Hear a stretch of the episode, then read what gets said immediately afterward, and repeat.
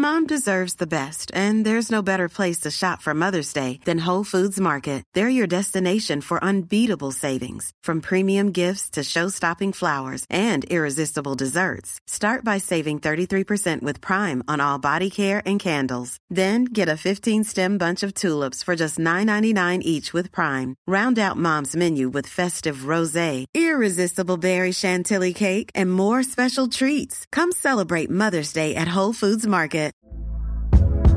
Hey there, it's Michelle Norris. I'm host of a podcast called Your Mama's Kitchen. When I travel, I'm usually looking for a way to find a taste of home when I'm not at home. And one of the things I love to do when I am at home is entertain. And Airbnb allows me to do that. When I was in California recently, I rented a house that had a great kitchen. And when we were sitting around the table, we were all thinking, we're in someone else's house. Someone could be in all of our homes as well. If you have a home, but you're not always at home, you have an Airbnb. Your home might be worth more than you think. Find out how much at airbnb.com/slash host.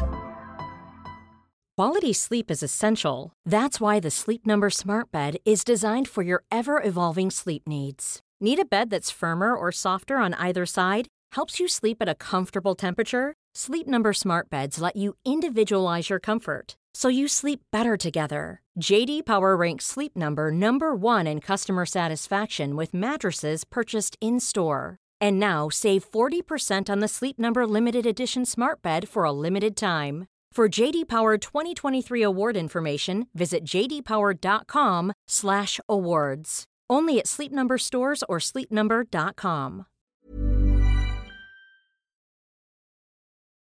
Kan vi se nyktert på alkohol på jobbet? Mm. Ett glas vin eller två, en drink, god öl. Alkohol kan vara gott och hör för många ihop med umgänge och avkoppling. Inte på jobbet kanske, men efter jobbet, på after work, julfester och sommarfester. Mm. Men självklart så finns det en baksida som många känner till. Eh, riskbruk av alkohol har minskat i Sverige, men ungefär 16 procent har ett riskbruk. Ett nyttjande som kan orsaka skada både för individen själv, men också för människor runt omkring och för anhöriga. Mm. Och det är inte vårt syfte här att skambelägga alkohol, men idag ska vi prata om att det kan finnas anledningar att dra ner på intaget och hur vi då kan hjälpa varandra med det när det behövs.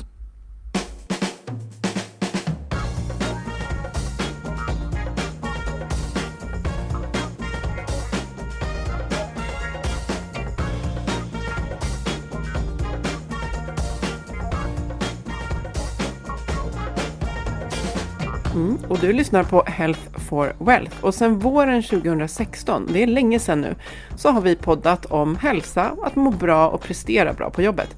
Eftersom människor just som mår bra kan prestera bra. Mm. Och för att må bra behöver vi goda samarbeten, rätt resurser. Vi behöver handlingsutrymme och så behöver vi trygga ledare som har tid att leda. Och i podden då tar vi hjälp av våra gäster och tar ett helhetsgrepp på det här med hälsan på jobbet. Vi är Ann-Sofie Forsmark, jag är hälsostrateg, ledarskapskonsult och jag driver organisationen Oxigroup. Och Boel Stier, copywriter och kommunikationskonsult. Varje vecka delar vi inspiration, idéer och tips för ett bättre och mer hållbart arbetsliv. För dig som är chef, ledare, jobbar med HR-frågor och medarbetare av alla möjliga slag förstås. Mm. Vi hittar ju gäster på väldigt olika sätt, men dagens gäst hittade jag när jag var på jakt efter clementiner på en mässa. Eh, så att jag började lite artigt ställa frågor och insåg sen att det här var väldigt intressant, mycket mer intressant än vad jag trodde. Och kände att det här samtalet, det här vill jag ha i podden med Boel. Ja, och jag har blivit lovad att vi ska inte liksom hacka ner på dem som tar ett glas vin då och då, eller hur? Nej, precis, det är inte syftet. Men eftersom vi sa i inledningen här att alkoholmissbruk, riskbruk, är ett problem som, som både kan liksom orsaka problem just för individen och andra.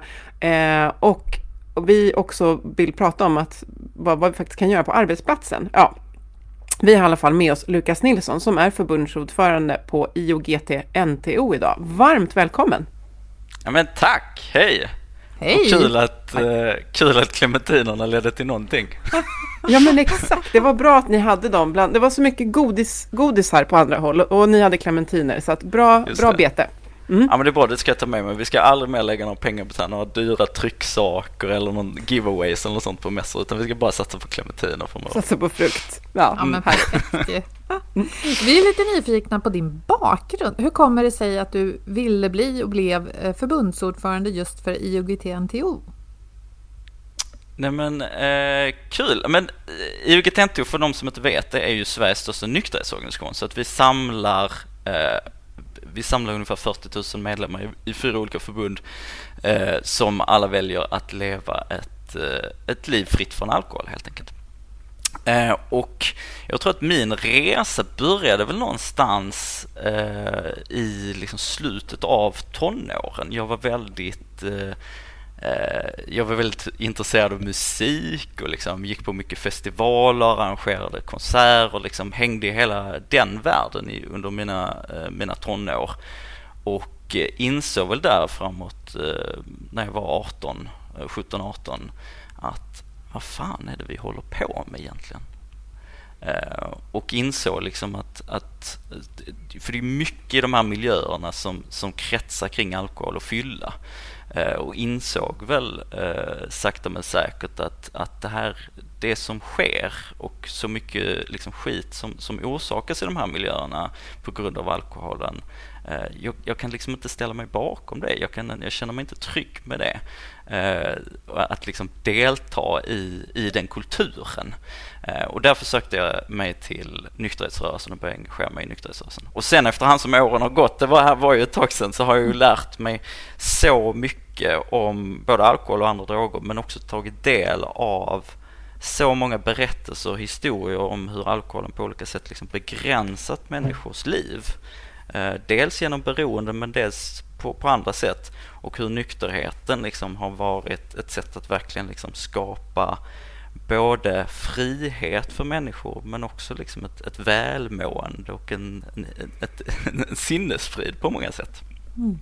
Så där är väl någonstans att eh, vill liksom bidra till ett, en, en diskussion, ett samtal om alkohol som, som är lite mer nykter och lite mer sansad.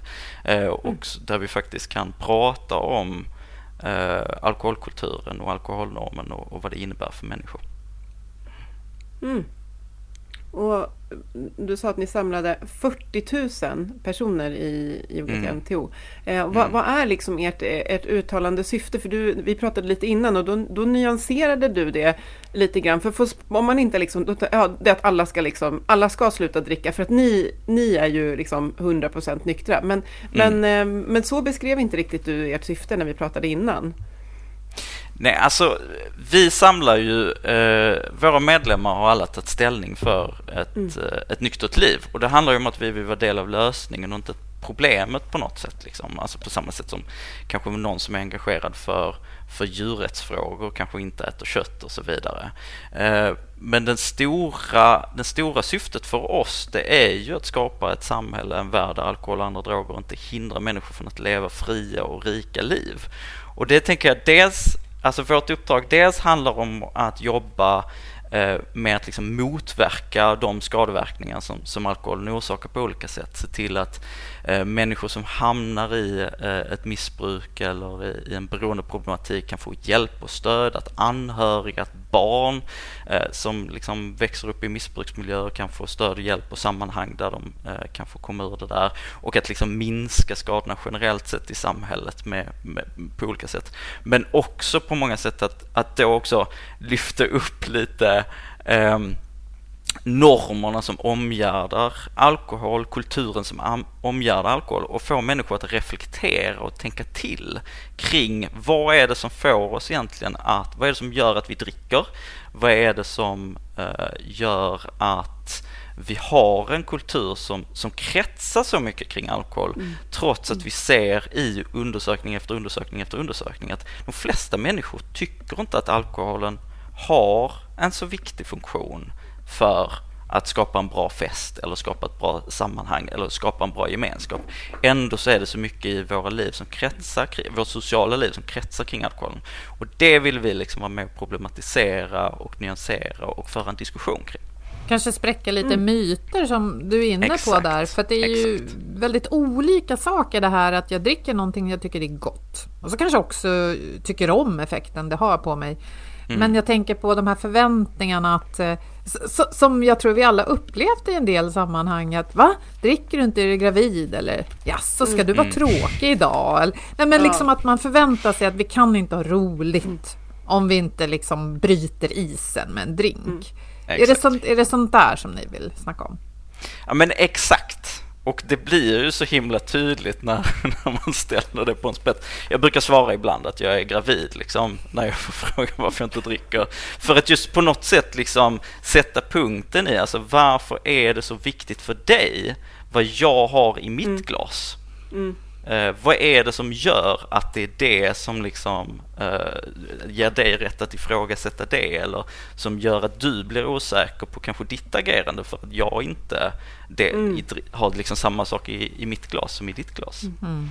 För där möttes ju vi, det var ju då jag liksom, alltså, tyckte det var så underbart att vi, för jag, jag dricker ju väldigt sällan, jag är inte nykterist på, på något sätt, mm. men jag, jag dricker mm. väldigt sällan och kan också fastna i det här att om jag ska bjuda på middag så känner jag att så här, jag förväntas bjuda på alkohol och jag, det är inte så att jag vill, ja men jag dricker inte så ni får inte, men jag, jag, för mig är inte det, vadå vi ska äta middag, vad har det med men alkohol, alltså jag förstår inte. Det är alla de här liksom normerna som inte handlar om att jag vill att alla ska sluta dricka. Men varför är det så laddat? Och jag måste alltid förklara, inte nu längre med mina familj och sådär, för, liksom, för de vet ju eh, och vi dricker väldigt lite. Men, men att jag liksom alltid måste eh, ja, det jag gör är alltid ett avsteg. Är vi ute och äter och man äter mer eller någonting, det är ett avsteg från någon typ av norm. Och det där tycker mm. jag är så himla intressant. Är, varför ska det vara avsteget? Och som du och jag pratade om att eh, vi kan ju vara de som, då är man rädd att vi ska bli tråkiga på en fest, men det händer inte. Alltså det är inte mm. problemet, utan vi har liksom, vi stojar på ändå. Men, men just det där att varför är det ett avsteg och varför blir det liksom någonting som måste kommenteras när någon inte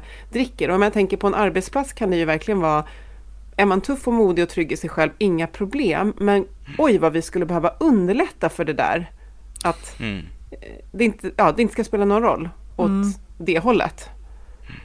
Nej, men jag tänker också, ursäkta Lukas, bara, vi är ju två i den här podden och i det här avseendet är vi ganska olika. Eh, jag mm. har alltid tyckt väldigt mycket om alkohol. Det låter ju konstigt. Nej, men alltså att, eh, alltså, att dricka ja. vin, eh, god öl, det är en viktig del av mitt liv och det skulle vara mm. svårt att släppa det. Eh, mm. Eh, och däremot så här med högre ålder så inser jag så här vad skönt det är ibland att eh, ta den alkoholfria ölen och kunna vara pigg dagen efter och så. Men, men oavsett det, dels bara så att ni lyssnare fattar att vi är två rätt olika världar här. Det är bra. Mm. Ja, nej men så. Mm. Eh, och eh, jag vill liksom inte att någon ska tafsa på mina beteenden, men däremot kan jag bli väldigt deppig och ledsen när jag inser att det är så där att om någon bjuder på fest så, så känner man sig tvingad att dricka alkohol. Och om, om jag skulle vara chef mm. för en verksamhet så skulle jag verkligen vilja att våra fester och liksom när vi firar grejer, att det ska vara helt självklart att man kan välja att dricka vad sjutton som helst. Så, mm. så, så där vill jag gärna höra av dig Lukas, hur kan vi, liksom, hur kan vi närma oss ett sånt läge? Ja men det där är så sant och det jag tycker är så tydligt när man diskuterar de här eh, frågorna det är ju att vi nästan befinner oss i någon form av så här masspsykos i, i att så här, alla är på något sätt överens om att vi, vi, vi kallar det alkoholnormen, alltså den här förväntan, föreställningen att alla dricker, att alla vill dricka och att alla ska dricka i alla sociala sammanhang. Det är liksom alkoholnormen. Och det som är så tydligt när man diskuterar de här grejerna att det är eh, trots att i princip alla människor känner igen sig i det här som ni beskriver. Att så här, tackar man nej så blir man dömd, eh, man blir utpekad, man kanske blir ifrågasatt, man måste hela tiden förklara sig. Trots att alla kan beskriva det, för det är väl alla som varit vid, ett festligt tillfälle någon gång, även som, dricker normalt sett, som, som tackat nej kanske vid ett enskilt tillfälle. Ehm, så, så, så är det så är det så få som liksom faktiskt själva Eh, Eh, känner att de vill liksom bidra till den här alkoholkulturen. Ehm, alltså de allra flesta människor eh, tycker, när man liksom tittar på undersökningar, tycker det är okej okay att folk inte dricker alkohol. Eh, tycker inte att alkohol egentligen ger någonting till ett socialt sammanhang. Det är ungefär 16-17 procent av befolkningen i undersökningar som är liksom aktivt alkoholpositiva, som tycker att alkoholen liksom Eh, ger någonting till ett sammanhang, ger någonting till festen. Eh, tittar vi på, eh, det gjordes en undersökning på arbetsplatser för några år sedan där man tittar på jobbfester just och då är det bara 4% av de som svarade som sa att alkoholen bidrar till liksom en, en, en viktig komponent för liksom en bra jobbfest. Men däremot så är det ju många, många, många, många, många fler som känner sig liksom obekväma, som kanske dricker bara för att det förväntas av dem, som kanske dricker för att de känner sig pressade eller annars liksom riskerar att inte få vara del av gemenskapen. Det finns de som kanske aktivt till och med undviker sammanhang där det finns alkohol för att man eh, kanske inte dricker av olika skäl själv. Man kanske har en missbruksproblematik i grunden, man kanske är anhörig eller man kanske bara inte vill helt enkelt. Eh, och som aktivt liksom exkluderas från sådana sammanhang för att det finns 4 som, som verkligen, verkligen, verkligen vill. Eh, mm. och, och det där är, alltså det finns liksom en obalans i hur vi pratar om de här grejerna där där vi har liksom en, en, en intolerans eller en oacceptans för att inte dricka alkohol um, på ett sätt som egentligen ingen tycker är bra. Ja, vi är ofria, och det har ju att göra med att vi inte pratar om det. Liksom. Mm. Du, du sa det här att man ska vara fri och, och leva sitt liv som man vill. Och det, är en, mm. det är en mm. ofrihet som du eh, ritar upp här som jag helt ja. skriver under på att den, den ska vi inte ha. Nej, Nej precis. Det är, inte att, eh, det är ju inte att Boel ska sluta dricka sitt goda vin utan det är ju den som dricker vinet för att det känns som att det är normen och det är press. Och, och då blir ju de här undersökningarna väldigt intressanta svart på vitt att så här ser beteendet ut men så här ser det mm. önskade aggregerade liksom individuella beteendet ut och det är inte samma och då är det ju det, är ju det där vi vill åt för att in, liksom ja, att det är liksom det där vi vill åt, att för er som inte vill dricka kanske någonting eller så mycket eller vid det tillfället ska ha lättare att göra det valet. Mm. Lite så. Men alltså det här är ju jättesvårt. Eh, du får hjälpa oss här Lukas. För att om man då som chef snackar om det så blir det ju lätt jättekonstigt. Och ni som inte vill dricka alkohol, det går jättebra. Jag menar, snacka om att man har pekat ut folk då. Eller? Jag tror det handlar om att man ska mer agera i handling än i ord. Alltså det är ju det det handlar om. Det finns, så, det finns ganska enkla saker man kan göra för att liksom möjliggöra för ett alkoholfritt eh, val. Och, och, och, det handlar just om det, att verkligen möjliggöra för det. För att i det här landet så är det en miljon människor som dricker alkohol mot sin egen vilja. De svarar i undersökningar, jag skulle vilja leva mitt liv helt utan alkohol, men de dricker ändå. Och det som är extra intressant med den här gruppen är ju att när man tittar på eh, när, man, när man tittar på vad, vad, vad, vilka människor utgör den här gruppen, då är det oftast människor som, uh, som, som har mindre makt i samhället. Då är det uh, rasifierade, det är kvinnor, det är folk från landsbygden, det är folk med lägre inkomst och så vidare. Uh, och det som förenar dem är en rädsla för att exkluderas från sociala gemenskaper. Så det handlar om, mm. jag tror att som man som chef och HR-person eller liknande kan göra, det är liksom att agera i handling genom att likställa det som faktiska två likvärdiga val. Alltså det handlar inte om att vi serverar alkohol och sen har vi ett alkoholfritt alternativ.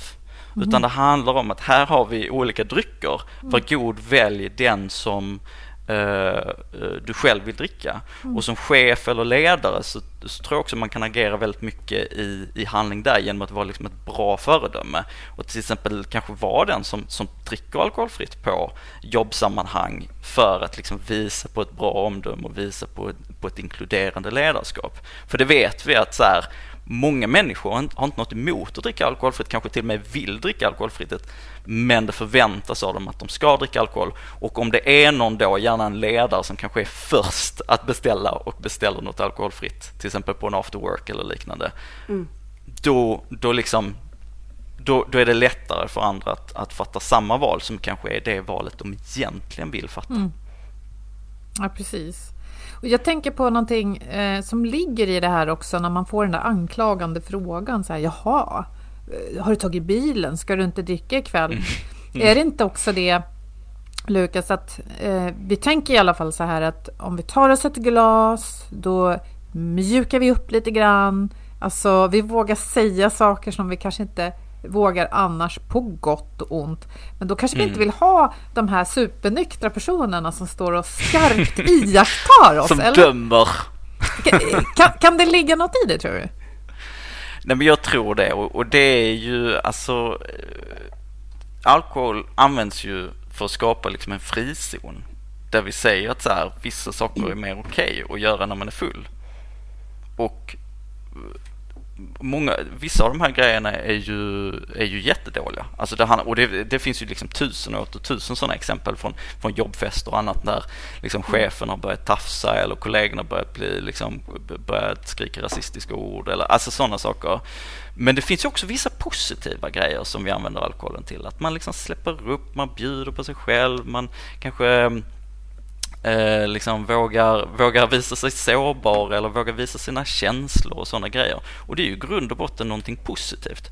Men när vi tittar på hur alkoholen faktiskt liksom liksom fungerar rent fysiologiskt i kroppen och i hjärnan så finns det egentligen ingenting, inget stöd för att liksom där visa sig sårbar eller visa sig uppsluppen eller liksom eh, släppa för liksom folk under, eh, liksom närmare in på skinnet på en. Det har egentligen ingenting med alkoholen att göra utan det handlar ju om att vi eh, har liksom lärt oss ända sedan barnsben att festen som koncept, och då är festen där alkohol är involverad, är ju där vi får lov att göra sånt. Mm. För att alkoholen i sig har inte de här effekterna på att man blir liksom, man har lättare att få snacka eller bjuda för sig själv eller visa sig sårbar eller sådär. Eh, utan det där, är ju, eh, det där är ju sociala normer som vi har sagt så att det här, det är okej eh, att göra när man är lite berusad eller när liksom alkoholen är involverad. Så att det jag tror man kan göra som också är ju att så här, se till och skapa en sån setting utan att nödvändigtvis göra det beroende av alkohol. För tittar man liksom, och det är ju ganska självklart egentligen, tittar man på en bar eller nattklubb eller vad som helst, liksom ett, ett, ett, ett ställe som liksom är gjort för att folk ska komma ut och festa och dansa och sådär. Alltså snackar du med en nattklubbsägare så är ju inte liksom, det är ju e- typ 1% av, av den personens jobb som går ut på liksom rigga en bar. 99% är ju så här ljussättning, det är musiken, det är vilken DJ, det är ju liksom inredning, det är liksom hur skapar man stämningen som skapar det här rummet för människor att vilja bjuda på sig själv. Och sen så har de en bar också liksom. Men det är ju inte det som, är, det är inte det som gör fest. Så vi lurar oss lite grann och tänker att när vi tar de där klunkarna, då har, det är då vi träder in i den här frizonen. Exakt. Men det Exakt. är en missuppfattning enligt dig, Lukas. Mm. Exakt, exakt. Och det finns egentligen ganska lite stöd liksom, i den fysiologiska forskningen eh, på det. Och det har till och med gjorts placebo-experiment där man liksom har, har kastat in då massa människor i ett rum, i så här olika rum och så har man då bjudit på alkohol i ett rum eh, och sen så har man inte bjudit på alkohol i ett annat rum och till hälften av de här som har sagt att de har fått alkohol och till hälften har man sagt att de inte har fått alkohol. Och det som är intressant är att de som har fått alkohol och fått förklarat för sig att de fått alkohol och de som inte fått alkohol men då blivit lurade och sagt så här, ja fast det är alkohol i de här drinkarna som ni får. De har ju agerat på exakt samma sätt. De De- agerat på exakt samma sätt. De vågade börjar- bjuda upp och de, de vågade började- säga vad de Exakt, de, tänkte. börjar dansa och bjuda och skämta och lite skratta och sådär för att det är ju liksom alkoholen som ursäkt på något sätt för att Mm. få lov att visa sig lite, lite sårbar eller glad eller vad det nu kan handla om. Liksom. Oh, den där är ju intressant tänker jag och, och, och liksom lyfta och titta på tillsammans. Att vad, eh, om, det här, liksom, om det då stämmer, vilket man då bevisar det här, vad, vad, vad säger det om vad vi eh, liksom, om, om, man, om, man, om det ska mynna ut i att alkohol dricker vi för att det är, liksom, det, det, det, det är gott, men liksom den här effekten, den har vi nu visat att den kanske inte finns, utan det är förväntansbilden. Och det här har vi poddat om, placebo, och hur otroligt Mm. starkt det är. Eh, och, och det här är jag ju matad med, inte bara i stunden, utan jag är ju matad med den här förväntan sen så länge, sen, sen man liksom har Mm. lärt sig om hur man tror att alkohol funkar. Ja, det där är, för då slår vi hål på fler saker som vi behöver det till, så att det blir mer renodlat det här som många har. Att det, är, det är någon typ av, det är någon typ av, låter jag som att jag aldrig har druckit gott eh, bubbel. Liksom. Alltså det är en, smakupplevelse som man eftersträvar, liksom en, en känsla, mm. det hänger ihop med någonting. Ja, superintressant. Och ehm, just den där förväntansfyllan, jag tycker att den är så intressant också. För att när man väl börjar gräva i den där, vad, vad är det vi egentligen säger då? Jo, det är ju att att okej, okay, om, det, om, om det är mer förväntan än det är fylla så att säga som gör att vi, att vi bjuder, bjuder på oss själva, är det inte ganska sorgligt då att vi liksom skapat ett helt system som bygger på att du ska liksom inmundiga en, en drog, för alkohol är ju ändå en drog, för att få lov att vara den personen som du hela tiden är. Mm. Mm. Ja, men absolut. Och att liksom, vi lär oss själva att, att vi, oss, vi själva inte liksom tillräckligt uh, att, att vi inte ska vara tillräckligt trygga i oss själva för att få lov att göra bort oss eller liksom bjuda på, på oss själva eller sådär. Det kan vara skönt att få vara sig själv utan baksmälla. Ja, det också. ja, men det, det, det känns ju som här, Lukas, att det finns ett stort ansvar på de som är ledare och de som eh, går före på något sätt att eh, mm. ja, men just rigga de här sammanhangen så att det inte hänger på alkoholen utan att ja, man kanske öppnar upp för de här samtalen som är lite mer förtroliga på ett sätt. Och, som du säger, ljussättning och sådär och musik gör ju sitt till också. Men det var intressant som du sa det här att när man, när man bjuder på drycker så blir det ofta så här, ja här är vinet och nu har sommelieren valt det här. Ja, är det någon som vill alkoholfritt? Men att man då istället ska säga, ja. här har en fin fläderbärssaft som är hemgjord här på gården. Och så har vi ett rött vin från Frankrike. Alltså lite mer så. Mm. Mm. Och, och, du pratade om att le, leda med, eller, eller, inte leda som så, men alltså att, att göra med beteenden. Att, eh, att, att liksom vem är det, vi, vi pratar om, när man pratar om beteenden pratar man om, om anchoring, att liksom vem förankrar, vem beställer först? Liksom, vad sätter mm.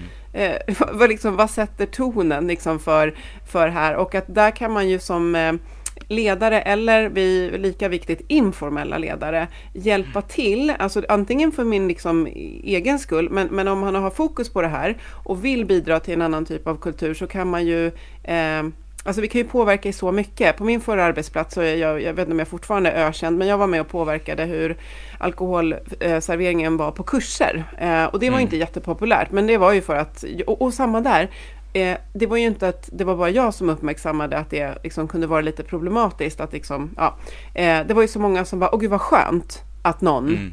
liksom, vad, vad skönt för att det vore skönt om det inte dök upp eh, vin eller öl till maten. Men man det krävs ju liksom en medvetenhet och ett mod och ett agerande för att påverka det. Det betydde inte att det inte gick att få tag på de grejerna. Det var bara att det var inte default, liksom, ja, mm. att det kom upp.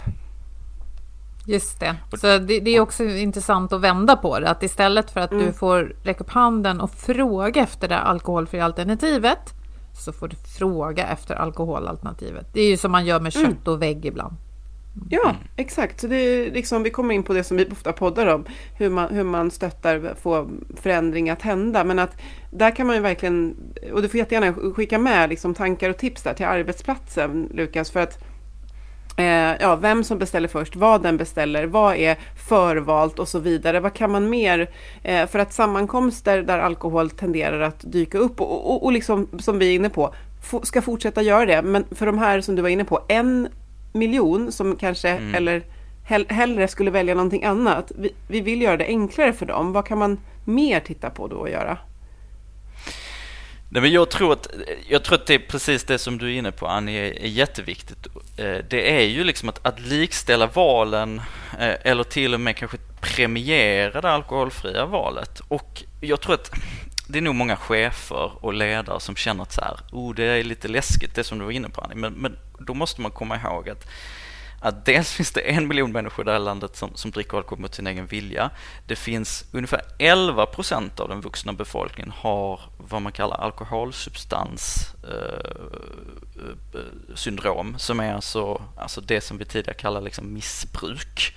Okay. Eh, vilket mm. innebär att det är liksom, om du har om du har 100 anställda så är det 11 av dem statistiskt sett som, som, mm. som verkligen inte ska dricka. Och sen så har du ungefär 15 procent statistiskt sett i ditt arbetslag som inte dricker alkohol alls. Så det är ju mm. en väldigt, väldigt stor grupp som, eh, du, som kanske inte syns, som kanske inte hörs, men som du som ledare bör ta ansvar för på olika sätt. Mm. och som sagt, det är bara 4 i, i din arbetsgrupp då, de här fyra av de här hundra eh, som du eh, som aktivt liksom söker alkohol på, på jobbsammanhang. Så att jag tror att vad man kan göra det är att normalisera det alkoholfria, eh, till och med ha det som liksom eh, huvudalternativet så att säga. Mm. Och, och, och, då behöver man inte ge sig in i den här diskussionen kring eh, vilka val som, som, som folk inte får göra och inte göra, men, men se till att det det, det är liksom valet som är underrepresenterat idag, men som det finns en vilja att välja, att se till att lyfta upp det på olika sätt. Mm. Eh, det tror jag är jätteviktigt. Mm. Men också såklart att, så här, att inte, alltså att, som, jag tror att som ledare och som arbetsgivare så måste man också ta ansvar för, eh, för, för liksom hela kulturen. Eh, på arbetsplatsen och även om du till exempel möjliggör för människor att ta, göra alkoholfria val, eh, vilket kommer ha en gigantisk effekt, mycket, mycket större effekt än vad jag tror de flesta gör, så måste man också ha ett öga på de som inte väljer Eh, det och där det kanske spårar. Mm. Dels för deras egen skull men också för vilken liksom otrygghet som, som de i sin tur kan liksom utsätta kolleg andra mm. kollegor och medarbetare för. För det, det finns ju liksom tusen och åter tusen historier på, på, mm. på det eh, som jag tror att vi alla, vi alla kan relatera till och känna igen. Mm. Vad tycker du, ja precis, du leder ju in oss på det. Om, mm. om jag ser en kollega som ja, men uppenbarligen har, eller jag tror i alla fall att den mm. har ett problem, begynnande eller långvarigt, med alkohol. Jag menar, är jag kollega och inte chef så har jag antagligen inget ansvar förutom det moraliska. Men vad tycker du man kan göra? Ja, men jag tycker att man ska snacka med personen. Uh, och det kan kännas läskigt, det kan kännas svårt. Uh, du kan, och jag ska inte sticka under stol med heller att ett sånt samtal kan också leda till att den personen kan bli arg och liksom aggressiv mm. och så här mm. skjuta ifrån sig. Men grejen är så här. Jag har tagit del av så många eh, liksom livsöden där det gått åt helvete på grund av alkoholen. Och det är så mm. många människor som beskriver den här frustrationen av att liksom, för det är ingen som liksom går från ett icke-problematiskt drickande till att liksom eh, vara en regelrätt alkoholist på liksom över en dag. Utan det är så många människor som beskriver den här liksom känslan av att folk såg mellan fingrarna och folk kanske till och med, mm. eh, till och med eh, liksom bidrog. Man hetsade. Man här, tyckte, oh. du, du är så rolig när du dricker vin, exakt, jag bjuder på en drink. Exakt, exakt. Mm. Och så tittar man mellan fingrarna och så tycker man så här, Eh, så, så värdesätter man inte liksom den här personens välmående på, på, något sätt för att man tycker det är jobbigt eller man kanske till och med tycker det är kul när den här personen är full liksom, och är, den är full alldeles för, för ofta. Liksom. Um, så det tror jag är jätte, jätteviktigt att ta det där samtalet för att all förändring börjar ju med att liksom folk um, får, får, liksom, får spegla sig och få, mm. få chans att reflektera. Eh, och det finns jättemycket bra så stödmaterial för hur man kan ta det samtalet. Eh, ibland finns en, en tankesmedja som, som Systembolaget driver som heter IQ som har mm. eh, ett material som heter Alkoholsnacket som är just så här, mm. hur tar du snacket med en kollega eller kompis eller närstående. Uh, och det är jätte, jätteviktigt. Uh, och även om du inte får effekt på det samtalet så kanske du har sått ett frö. Mm. Eller så kommer du mötas av en person som säger äntligen någon som sträcker ut en hand. Mm. Mm. Äntligen någon som sträcker ut en hand. Ja, precis. Och jag måste eh, understryka det att de här IQs olika typer av material har jag också stött på och tänkt mm. att det här är briljant kommunikation. Mm. Även för mig då som kan vara lite hamna i försvar om någon vill som sagt tafsa på mina alkoholvanor. Även om mm. det skulle behövas. Så, så tycker jag att de gör det, för det är en fin eh, balansgång mm. som de lyckas med.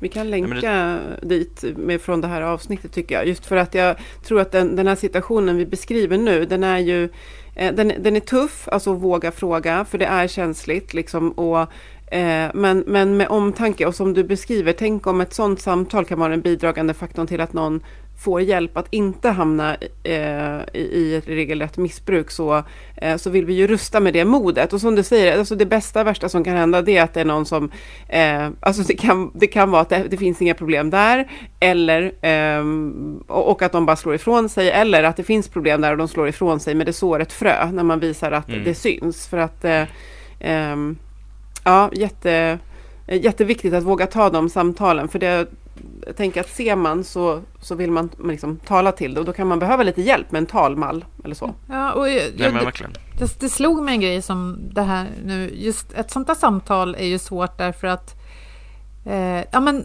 som du eh, har påtalat här Lukas, vi förväntas nästan dricka alkohol. Alltså liksom, det, på något mm. sätt är det besvärligt att inte göra det, det är en norm. Och samtidigt som ju det riggar för att många ska falla i den här fällan då som är alkoholproblem, missbruk på olika sätt, så skäms ju människor i allmänhet om någon säger så här, du, du verkar ha ett problem med ditt drickande. Vilket mm. ju är lite galet för att det är ju, det är ju riggat så att man ganska lätt kan falla dit.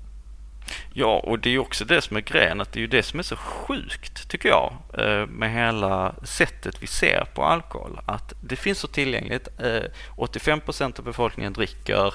Eh, det finns en förväntan att man ska dricka.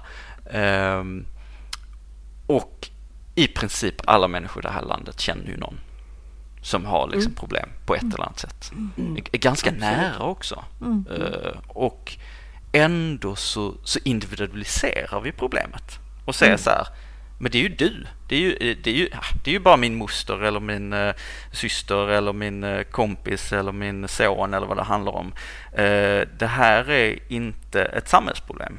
Utan mm. det är ju liksom ett problem med den specifika individen. Mm. Men vi måste faktiskt erkänna att det här är ett samhällsproblem. När 11 procent har någon form av liksom uh, missbruksproblematik på grund av alkohol, då är det inte längre liksom, äh, det är ju bara den där personen, utan mm. då finns det finns överallt, det finns alla i samhällsklasser och i princip runt alla människor. Mm. Ja, du det, beskriver det, det verkligen så bra.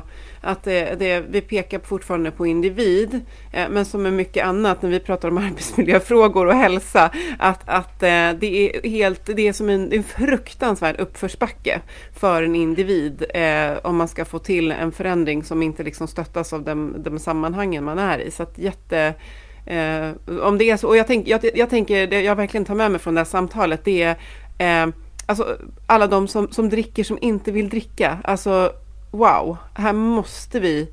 Eh, och där kan man också säga så här, ja men det är bara inte göra det, det ligger på dig som individ. Men uppenbarligen mm. så, eh, så hjälper inte det. Och där tänker jag att kan vi göra en förflyttning kan vi hjälpa dem att liksom, så kommer det ju också, det blir ju som ringa på vattnet. För det, det hade jag inte förstått, att det var så många som dricker för att de inte vill, fast de inte vill dricka. Mm. Det är ju verkligen Ja, men det där... Nej, och det här är ju en frihetsfråga liksom. Alltså det är, där, det är det som engagerar mig. Att mm. människor ska få lov att fatta sina egna val och få leva sitt eget liv. Och alkoholnormen och alkoholkulturen gör inte det idag på olika sätt. Och det är därför mm. som jag engagerar mig i den här frågan. Och det är därför det är så viktigt att vi är fler som engagerar sig i den här frågan. Mm. För det handlar mm. om att liksom möjliggöra för människor att få lov att, att få vara sig själva och få leva sina liv. Liksom. Och ja. det står vi bakom inom så många olika områden också eh, som gäller mycket annat. Ja men mm. exakt. Mm. Och, eh, jag, jag, tänker också, för mig slår den här frihetsvinkeln verkligen an någonting. Att vi måste kunna... Jag menar, det är många som lever i... Du pratade själv om musikbranschen, Lukas, där i början. Det är många som lever och jobbar i branscher, restaurangbranschen, nyhetsbranschen och så vidare. Där det är liksom ja, det är lätt att åka dit och då är det ju viktigt att man får göra inte valet om man vill bli missbrukare själv, men alltså att man får fatta sina val själv och inte pressas till det ena eller andra. Eh, och att jag vill ju kunna hänga med mina kompisar på stan, ta en middag utan att de ska titta på mig eh, när jag beställer in något alkoholfritt. Mm. Ungefär som att jaha, så du ska gå hem tidigt? Du ska vara tråkig ikväll. Mm. Vi vill inte hamna där. Tack för tipsen du har delat Lukas. Mm. Ja, men tack och tack för att jag fick komma, jättespännande. Ja, Tänk jag- vad en clementin gillar- kan leda till. Ja men exakt, det kan man också ta med sig från det här samtalet. Bjud på frukt, vet aldrig vad som händer. Nej men jag gillar verkligen hur du, du, du har inte suttit med ett enda pekfinger under det här samtalet och det tror jag är jättevärdefullt för våra, för våra lyssnare. Så tack så jättemycket. Eh, och, och vi länkar till er och till eh, Eh, IQ också, eh, de här samtalsdelarna. Och vi länkar också till eh, vår samarbetspartner. Det var, jag tänkte så här, ja men undrar om vad, vad det står om alkohol. Men det var flera väldigt intressanta artiklar eh, och vi tycker ämnet är så viktigt. Eh, så vi väljer att dela två stycken. En om att våga prata om problemen även på distans, för det är ju väldigt, väldigt aktuellt eh, nu i dessa tider med hybridarbete. Eh, och sen också det här också för att hjälpa till slå hål på myter. Eh, att det är farligt att dricka i avstressande syfte hittar vi också en eh, artikel på. Så vi länkar till dem från där ni hittar eh, ert inlägg där ni lyssnar på podden helt enkelt. Intressant och de här artiklarna finns då som sagt hos motivation.se som är vår samarbetspartner. Och vi tackar både dem och Agda Media för den här produktionen och så tackar vi dig Lukas förstås. Följ oss Tack så gärna mycket, på... jättekul. Ja, jättekul att ha dig här. Följ oss gärna på LinkedIn och snacka med oss där. Kommentera på våra inlägg och så hörs vi om en vecka igen. Det gör vi. Tack så jättemycket. Må så gott. Hej då!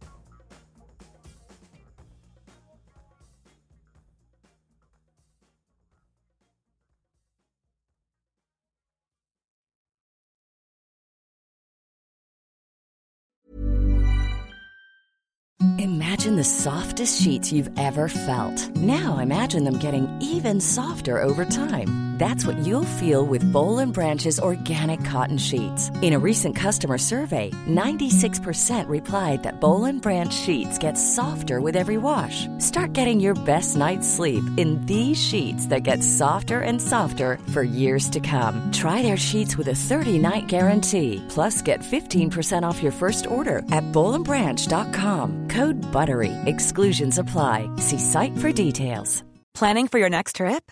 Elevate your travel style with Quince. Quince has all the jet setting essentials you'll want for your next getaway, like European linen, premium luggage options, buttery soft Italian leather bags, and so much more. And is all priced at 50 to 80% less than similar brands.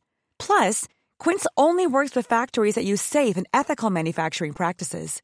Pack your bags with high-quality essentials you'll be wearing for vacations to come with Quince. Go to quince.com slash pack for free shipping and 365-day returns. A lot can happen in three years, like a chatbot may be your new best friend. But what won't change? Needing health insurance. United Healthcare Tri-Term Medical Plans, underwritten by Golden Rule Insurance Company, offer flexible, budget-friendly coverage that lasts nearly three years in some states. Learn more at uh1.com.